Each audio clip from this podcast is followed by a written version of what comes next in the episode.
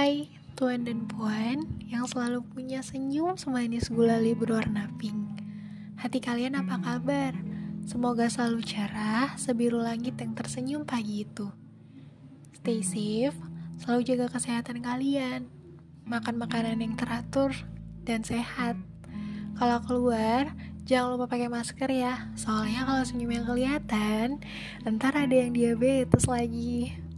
Wah, udah gak kerasa banget ya. Udah sebulan lebih berlalu. Dan saya udah lama gak say hi. Ngucapin selamat malam Dan nerima energi dari kalian semua. Sebulan kemarin Kalian baik-baik aja kan? Walaupun selama sebulan Kita diwajibkan harus di rumah aja. Saya pikir ini salah satu cara Sang Maha Pasti untuk kasih jeda buat kita mikirin hal-hal yang udah banyak kita lewatin atau hal-hal yang belum kita pahami atau bahkan buat kita istirahat sejenak dari kesibukan kita yang super duper padat. Saya sangat berterima kasih buat kalian semua yang masih nungguin podcast masih di sini. Entah sayanya yang kegeeran, ada yang nungguin, tapi semoga selalu ada yang nungguin podcast masih di sini ya. By the way, untuk topik kali ini jujur saya bingung mau mulai dari mana. Tapi karena saya udah janji, saya wajib melakukannya kan ya. Semoga bisa menemani malam minggu kalian. Hmm, by the way, saya sebenarnya ngerekamnya nggak malam sih, siang. Dan di sini lagi hujan juga. Semoga malam minggu nanti gak hujan ya. Topik malam ini saya kasih judul Hai Patah Hati. Skui kita mulai. Hai Patah Hati, kamu apa kabar? Masih tetap di situ nggak? Kalau masih, ya nggak apa-apa. Kami cuma mau bilang, makasih udah buat kami menjadi manusia paling kuat santero negeri ya. Cepat hilang, tapi jangan cepat datang lagi. Kami itu pantas bahagia, oke? Okay? Selamat malam minggu semuanya. Kembali lagi dengan saya, si manusia biasa aja dengan podcast masih di sini. First, I really want to say that I really proud to all of you because all of you have passed your dark time with a good way, and I believe you will be fine. And that's okay you feel sad because you're not alone you have us. Sebenarnya patah hati adalah hal yang paling ingin dilupain sama banyak orang. Dan kalau bisa, ya dibuang aja ke laut atau dilupain. But it's not easy like a pie. Karena kita harus melakukan berbagai cara demi untuk terlihat baik-baik aja. Bahkan gak jarang kita tertawa begitu keras, padahal hatinya udah datar banget, gak ada ekspresi atau gak ada kehidupan sama sekali hanya mencoba bertahan dan melanjutkan hidup lebih baik, menunjukkan bahwa kita baik-baik aja, dan patah hati sama sekali bukan hal yang besar. Saya yakin kebanyakan orang-orang melakukan hal ini, dan juga tiap orang punya versi patah hatinya mereka masing-masing. Patah hati setiap orang tidak melulu soal hubungan cinta yang kandas, tapi ada yang lain mungkin bagi kita terdengar biasa. Setiap orang kenapa selalu sih ngerasa dia yang paling menderita? Salahnya mungkin di situ sih, kalau menurut saya. Allah itu adil, yang selalu ngasih sesuai dengan kadar dan kemampuan kita. Gak ada yang paling sulit atau yang mudah, semuanya sama aja kok. Jadi, Kali ini saya bakalan bacain hmm, cerita dari teman-teman tentang patah hati terberat mereka. Yang udah lama sih, udah dengan berani mereka share dan cerita banyak ke saya. Jadi semoga bisa membantu dan buat kalian semua yang lagi dengerin gak ngerasa sendirian. Nah, yang pertama tuh dia ceritanya gini uh, ada yang cerita bahwa di saat dewasa ternyata ya apa yang kita pikirin dulu nggak sama. Saya ambil kesimpulan maksud dia mungkin gini. Waktu kecil kita mikirnya suatu hal yang keren banget kalau jadi orang dewasa. Nyatanya nggak sama sekali. Hidup nggak selalu sama dengan apa yang kita pikirkan. Tapi saya yakin Sang Maha Pasti tengah menyiapkan suatu hal yang lebih baik dari yang kita pikirkan. Nah, orang kedua nge-share ini sama saya.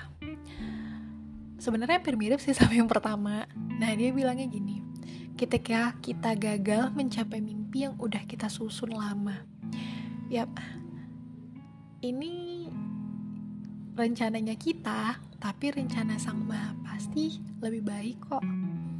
Sang Maha Pasti hanya mengubahnya menjadi lebih baik dan pantas untuk kita. Dia itu nggak ingin kita dapat yang nggak baik. Dia maksud saya Allah pasti selalu ingin hambanya dapat yang paling baik. Nah orang ketiga bilang melihat orang tua sedih atau sakit sekesal apa pun kita sama raja dan ratu di rumah kita tetap aja mereka selalu menjadi orang pertama yang akan selalu ada di, buat kita. Tempat ternyaman untuk kita pulang. Dan anehnya, pas dewasa kita lupa cara mengatakan bahwa kita sangat mencintai mereka lebih dari hidup kita. Saya yakin hmm, kalian pasti sering ngecek mereka pas tidur. Mereka bernapas apa enggak? ketika kalian lihat mereka bernapas kalian pasti langsung balik lagi tidur. Dan baru lega sih pas liatnya. Lucu tapi itulah kita. Si kecilnya mereka yang udah berubah jadi anak yang kuat dan dewasa. Hmm, the next orang selanjutnya itu nge-share. Gini dijatuhkan sama seseorang yang seharusnya jadi pendukung nomor satu. Terus juga ada yang cerita um, dia dikhianati karena salit karena saking percayanya sama orang tersebut dan uh, put high expectation to human. Tuh. Jadi masalah ketiganya ini sebenarnya kehilangan kepercayaan pada orang terpenting di hidupnya mereka. Jarang sih hal seperti ini bisa kembali semula. Kepercayaan seseorang mudah didapat. Tapi terkadang orang lupa untuk menjaganya. Karena kalau rusak akan sulit diperbaiki. Bakalan ada serpihan kecil yang hilang walaupun bisa disatukan.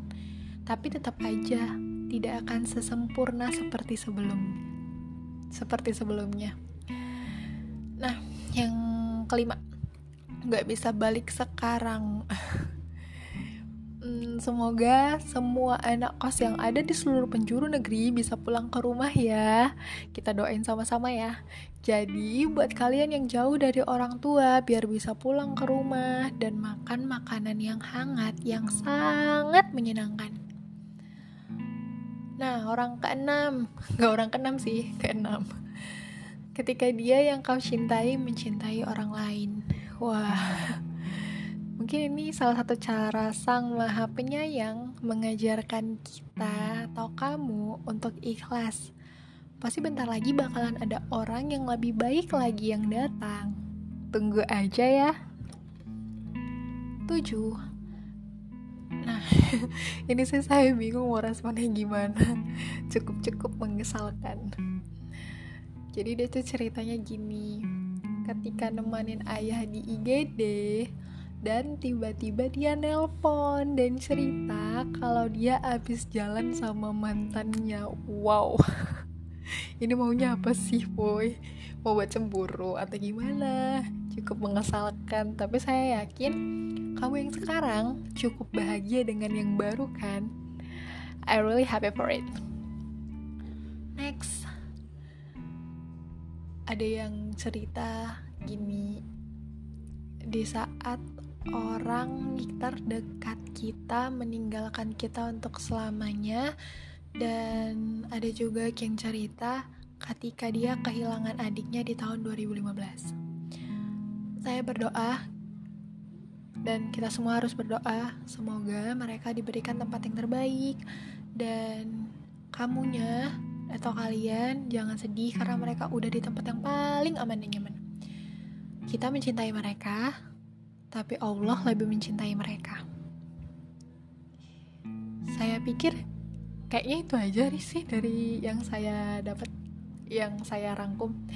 I think that's all. Dari semua cerita bisa kita simpulkan patah hati setiap orang beda-beda dan permasalahannya juga beda-beda. Ada yang menurut kita berat tapi orang lain enggak atau bagi kita ringan tapi orang lain melihatnya itu berat banget atau kita tengah menggunakan topeng dan menutupi diri, menutupi kesedihannya kita. Kalau ditanya cara mengatasinya atau sembuh dari luka seperti ini, saya juga nggak tahu.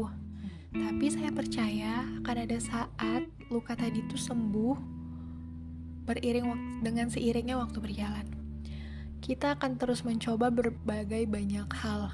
Misalnya, kebanyakan orang pasti ketika dia lagi patah hati mungkin cari makan makanan yang pedas, belanja, jalan-jalan, buat kesibukan, nyari kesibukan atau melakukan hobi-hobinya yang gak pernah dia lakukan belakangan ini. Biar kita tuh lupa sesaat. Tapi faktanya atau sedihnya kita malah pas balik ke rumah serasa ada sesak yang menjalar dan kita kembali lagi jujur pada diri kita sendiri yang seharian kita tutupi dengan topeng terbaiknya kita sebagian dari kita mungkin masih nyimpan lukanya itu gini deh jika saya minta kalian mengingat satu hal yang kalian benci, tanpa sadar kita semua juga pasti teringat dan masih ngerasa sesak. Cuman kita selalu berusaha untuk nutupin dan bilang bahwa kita baik-baik aja. Dan saya kira itu cukup bekerja. Kalian akan selalu baik-baik aja karena kalian ingin bangkit. Maaf ya, Kali ini saya membawa mendung ke ruang kamar kalian lagi. Kalian itu hebat masih berdiri sampai saat ini dan melewatkannya dengan cara yang baik dan benar. You will be okay. Emang sih patah hati menyakitkan, tapi buat kita lebih kuat dari sebelumnya. Coba ingat, udah berapa kali kita jumpa sama si patah hati, tapi kita tetap masih bangkit dan bangkit lagi dan melewatinya dengan baik-baik aja. Walaupun udah banyak luka yang kita dapatkan, tapi kita tetap berusaha bangkit dan bilang bahwa kalian pantas dapatkan yang terbaik. Dan ada satu hal yang saya pelajari dari teman-teman saya yang cerita ke saya, bahwa di balik patah hati selalu ada satu hal yang har yang baru bahkan lebih baik yang tengah disiapkan dan ditunjukkan Sang Maha Pasti untuk kita. Dan cara Sang Maha Pasti juga buat kita tuh sadar bahwa Sang Maha Pasti begitu mencintai diri kita. Um, kayaknya saya kebanyakan ngomong ya hari ini.